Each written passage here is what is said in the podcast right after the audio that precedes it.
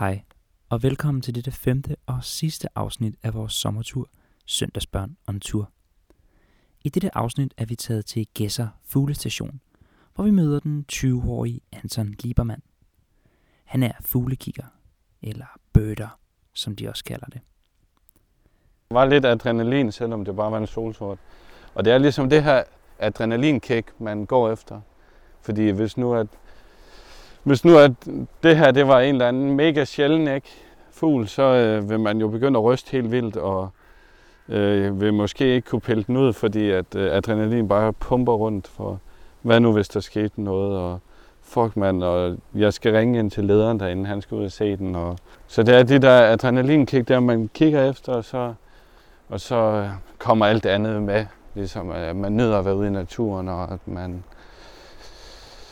ja, man nyder at gå rundt og nyde fuglene, og man begynder lige så stille at sætte pris på, på nogle andre ting, end jeg gjorde i starten. For i starten var det bare kun jagt, og nu skulle jeg bare have solsort, og ligesom når man går på jagt.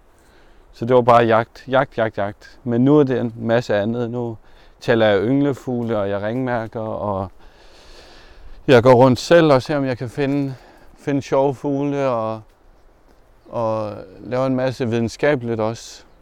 Så øh, nu, er det, nu har jeg ligesom fået hele pakken, i, i stedet for i starten, hvor det kun var artjægeri. Og passionen for fuglekiggeri startede med en helt speciel person for Anton. Jamen det er faktisk min far, der øh, fik mig til det, fordi han, øh, han er også fuglenørd.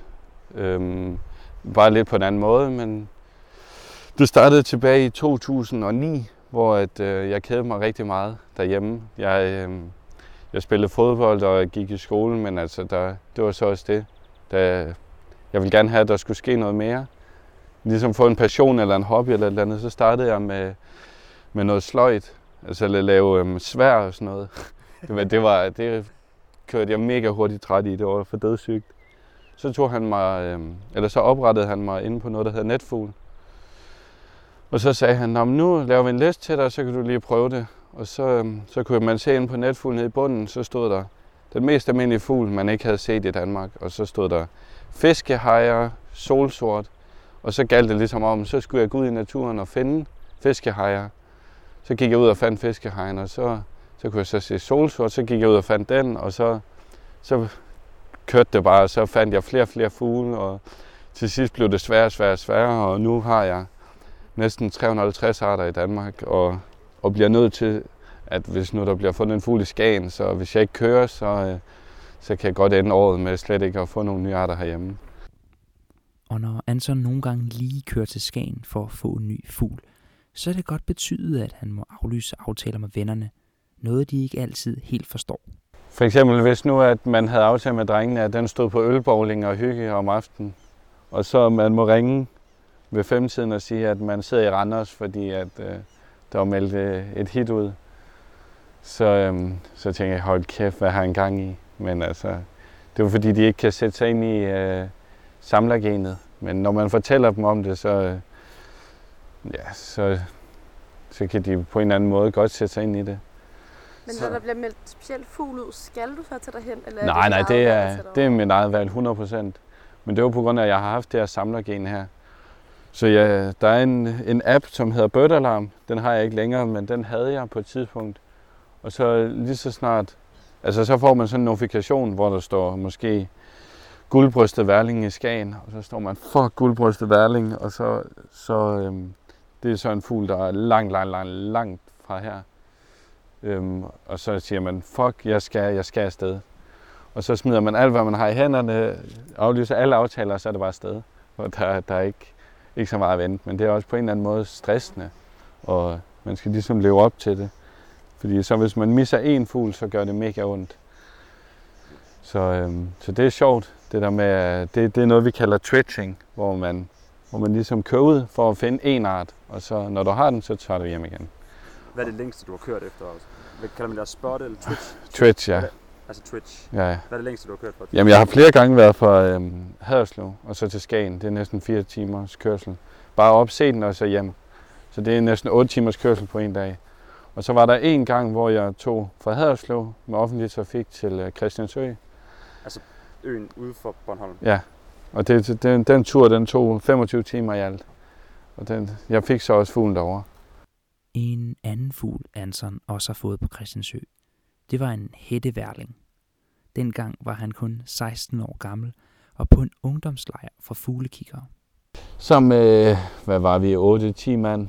Og der den øh, allerførste runde, jeg gik rundt på øen, den er jo ikke særlig stor, den er 800 meter lang.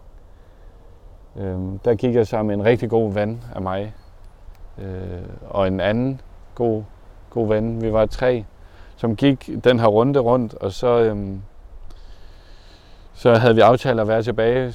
Der er sådan en teltplads, hvor vi ville have noget frokost ved 14-tiden. Og øhm, så ville vi så lige, lige gå nordmøen hen til teltpladsen, i stedet for at gå midt over. Og så, øhm, så finder vi så, eller så flyver der lige pludselig den her helt gule fugl over vejen. Og det, øhm, vi er jo ikke så, vi, vi er lidt erfarne, men ikke, slet ikke, øhm, slet ikke nok til at, til at ligesom tænke, hvad sker der her? Men det, det var så en hætteværling, en flot gammel han, som øh, har helt sort hoved og, og helt gul krop og, og brunlig ryg. Og den, øh, den hører slet ikke til herhjemme. Den kommer ned fra Tyrkiet af og, og det sydøstlige øh, Europa. Det er selvfølgelig ikke så langt som, øh, som de sjældne fugle fra Asien, og der har også været, har der været 25 fund i Danmark af hætteværning. Men det der med, at vi stod, øh, mig og de to andre der, vi stod, fuck, hvad sker der her, hvad er det her? Og vi var helt op. Og jeg kan huske ham, øh, Christoffer der, han, han skreg bare i New Yorkien, altså virkelig højt. Han skreg så højt, at, de ikke kunne, at folk ikke kunne høre, hvad han sagde, men på grund af øen er så lille, så kunne de høre, der blev skrevet derfra. Og det, der var adrenalin godt op i hvert fald, og der, det var første gang, hvor jeg ligesom fik en masse beskeder, privatbeskeder, hvor tillykke, stort fund, og det er godt klaret, og en masse skulderklap, hvor man ligesom følte, at det, man lavede, det, det blev værdsat. Så det, det var i hvert fald en stor oplevelse, og vil, vil nok huskes altid i mit liv, tænker jeg. Mens vi går rundt og kigger på fugle sammen med Anton, så deler han en anden stor oplevelse, som han havde sidste år, lige her på Gæsser Fuglestation. Jamen altså, øh, jeg var med til at finde en, en fugl sidste efterår herude på hegnet, øh, lige over havet, der hedder en steinerspynkefugl, som er fra Japan. En steiner Ja, spynke fugl, ja. Den er opkaldt efter en, øh, en eller anden videnskabsmand, som, øh, som opdagede den her race, okay. som så nu er blevet en art. Og den sad herude på, på hegnet, og så, øhm, så vi, vidste, vi kunne godt se, at den så fandme underlig ud. Og så øh, efter noget tid, så fandt vi så ud af, at det var højst sandsynligt nok den her steinerspynkefugl.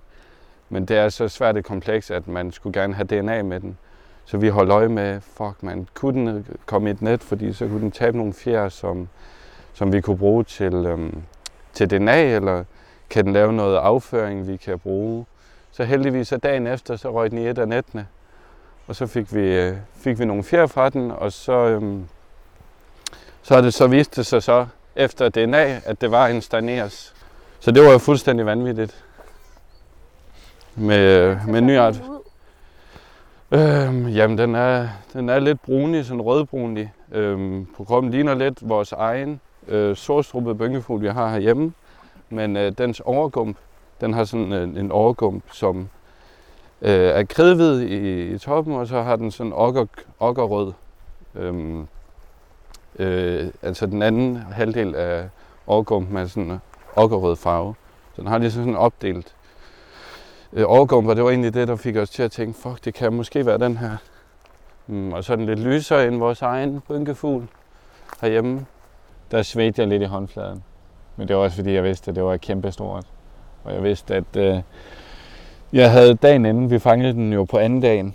Dagen inden, der var der, der havde jeg måske fået 10 eller 15 opkald, øh, hvor jeg havde fået at vide, kigger du, øh, når solen står op, vi havde fundet den om eftermiddagen aften, så der var, dem fra Jylland kunne ikke nå det, og dem fra København kunne heller ikke nå det før solnedgang. Så derfor havde jeg fået mange opkald på, du tjekker, når øh, solen står op, øh, fordi vi, vi sidder fem mand i bilen klar til at køre, og der var mange, der ringede, så derfor, da jeg fandt den der om morgenen klokken 7, eller hvornår det var, det var, øhm, så, øh, så vidste jeg ikke helt, fuck man, vi har jo brug for fjer til DNA, så hvad gør vi? Men vi ventede så, og så gik den så heldigvis i nettet, ved 8 tid måske. Og så, så var det så, at jeg ringede til først lederen for stationen inde i Gæsser, og så til personalet omkring stationen, så de kunne nå at se den i hånden, fordi du må maks holde fuglen en halv time til en time. Det kommer an på situationen. Men øhm, så derfor til alle dem, der kunne nå den, nå at se den i hånden, ringede jeg til, og så ellers meldte den ud. Og så der kunne jeg godt mærke, at der var adrenalin godt op at køre. Så det var vildt. Det var en ny art for Danmark, og øh, hvad var det, femte eller sjette fund for, øh, for Western Pallactic. Ja, det var det. Så den har kun været i Europa og Israel og det nordlige Afrika øh, seks gange. Og så Danmark var en af gangene. Så det var vildt, der var vi glade og var på pizzeria og så videre bagefter. Og hvis du googler et billede af Steinersbønkefuglen, så er det højst sandsynligt Antons hånd, du ser holde fuglen på billedet. Det er nemlig første og eneste gang indtil nu, at fuglen er set i Danmark. Og det er heller ikke kun i Danmark, at Anton gik på fugle. Han har også været et smut i Israel. Efter at have oplevet øhm, efterårstrækket her i Gasser hele sidste efterår, øhm, hvor jeg sluttede øh, omkring 3. december, så, øhm, så drog jeg til Israel for ligesom at mærke forstrækket, hvor fuglene skal til Europa igen. Øhm, og der er Israel et rigtig godt sted at gøre, fordi det ligesom forbinder øhm, Afrika, Europa og Asien. Så alle fugle fra Asien og Afrika, de rører så igennem Israel der. Og der, der helt nede i det sydlige Israel er der noget, er der en by, der hedder Elat, Og de har sådan en park, øhm, hvor de gør helt vildt meget for fuglene. Øh, og har en masse buske med vandrør, og det er ligesom et kanon samlested for en masse fugle, og der er flere tusind fugle i den park der. Og der, der tog jeg så ned og var en del af holdet dernede og ringmærket fra øh, det samme her fra solopgang, og så dernede der er det bare fire timer frem i stedet for fem timer. Og der, det var nogenlunde samme procedure med gå ud til nettene, og så se hvad der er i, og så få dem fragtet tilbage til laboratoriet, og så få taget nogle mål på dem, og så give dem friheden igen. Og der, der, det, der er jo lidt, lidt mere specielle arter, end der er herhjemme. Jeg er jo meget vant til øh, de danske fugle, og og se nej, en sød blåmejse og så videre, ikke? Men man vil, man vil gerne lige øh, gnisten over. Så, øhm, så derfor tog jeg derned og fik en masse farverige fugle, og jeg fik en masse fede fugle, som har nogle lidt, lidt federe kontraster, end hvad vi er vant til herhjemme. Efter at have oplevet øhm, efterårstrækket her i Gæsser hele sidste efterår, øhm, hvor jeg sluttede øh, omkring 3. december, så, øhm, så drog jeg til Israel for ligesom at mærke forårstrækket, hvor fuglene skal til Europa igen. Øhm, og der er Israel et rigtig godt sted at gøre, fordi det ligesom forbinder øhm, Afrika, Europa og Asien. Så alle fugle fra Asien og Afrika, de rører så igennem Israel der. Og der, øh, der er helt nede i det sydlige Israel er der noget, er der en by, der hedder Elat, Og de har sådan en park, øhm, hvor de gør helt vildt meget for fuglene. Øh, og har en masse buske med vandrør, og det er ligesom et kanon samlested for en masse fugle, og der er flere tusind fugle i den park der. Og der, der tog jeg så ned og var en del af holdet dernede og ringmærket fra øh, det samme her fra solopgang, og så dernede der er det bare fire timer frem i stedet for 5 timer. Og der, det var nogenlunde samme procedure med gå ud til nettene og så se hvad der er i, og så få dem fragtet tilbage til laboratoriet, og så få taget nogle mål på dem, og så give dem friheden igen. Og der, der, det, der er jo lidt, lidt mere specielle arter, end der er herhjemme. Jeg er jo meget vant til øh, de danske fugle, og, og se nej, en sød blåmejse og så videre, ikke? Men man vil, man vil gerne lige øh, gnisten over. Så, øhm, så derfor tog jeg derned og fik en masse farverige fugle, og jeg fik en masse fede fugle, som har nogle lidt, lidt federe kontraster, end hvad vi er vant til herhjemme. Og derne, Nu siger du, at du fik den, det vil sige, at du har set den og noteret den et sted. jeg fik dem, jeg så dem, og jeg sejrede, og det var fantastisk. Du har birdet den. Jeg har birdet dem max. Det var fedt. Og der var mange. Der, det gav måske 100 nye arter til min, øh, til min liste. Det er sådan, at man har mange forskellige lister, og så har man også en, som hedder Lifer, som er sådan verdensrundt. Og der, øh, der blev den her noteret. Eller ikke den her, men de her 100. Så det var fedt. Der var også, øh, altså det er jo et helt andet område. Der er jo ikke, øh, der er jo ikke, der er, jeg tror ikke, du kan finde noget grønt i hele Israel. Så det er jo helt anderledes. Der er bare ørken og tørt og varmt. Så det var også sjovt at prøve. Men selvfølgelig var det fuglene, jeg kom for. Det med at kigge på fugle er ikke noget, Anton umiddelbart har tænkt sig at leve af. Men det er en hobby, han har tænkt sig at have for livet. Jo, jo, hobby. Det, det er for livstid, det tror jeg. Øhm, fordi det er jo det er også noget specielt, jeg har med min far. Det er jo bare, så kan ham og mig tage på en tur sammen, og så får man en masse gode snakke, og, og nyder naturen sammen.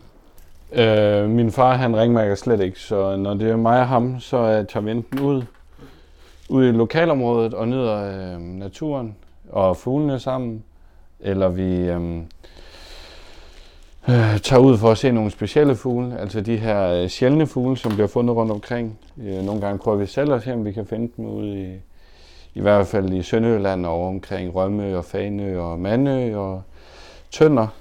Der kigger vi rigtig meget sammen. I tønder? Øh, ja, ned omkring... Øh, Hvad er der for nogle fugle i tønder? nej, men ikke lige Tønder, men øh, der er et område tæt på, der hedder Tøndermarsken, ja, Saltvandssøen, og det er et rigtig godt sted for rigtig mange vadefugle, men også for øh, rørfugle. Og der er mange søer, og der, er bare, der kan være alt. Så øhm, det er altid et fedt sted at besøge, og det, der er mange ynglefugle, og det er også der, man tager ned for at se sort sol, og det er bare generelt et godt område. Men er det ikke, er det, jeg tænker også, det må være fedt på en eller anden måde, hvis din far, øh, en person, der er så tæt på dig, ligesom deler den her passion, sådan at hvis du oplever et eller andet stort, så har du ligesom nogen, der er lige så begejstret som dig, er det ikke? Ja, jo, det er mega fedt.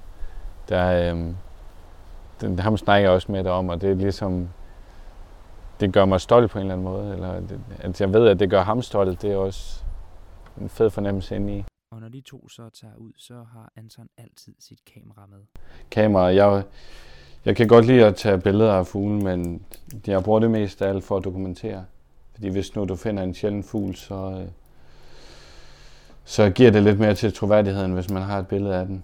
Eller det hjælper rigtig meget. Det, øhm, nu til dag, så er det stort set svært du kan jo sige, at der sidder en eller anden mega hit ude i busken her.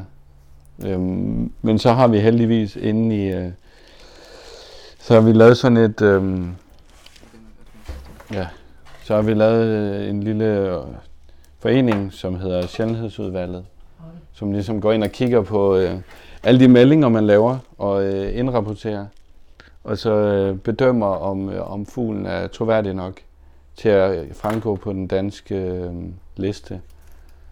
Øhm, altså som en øhm, observation.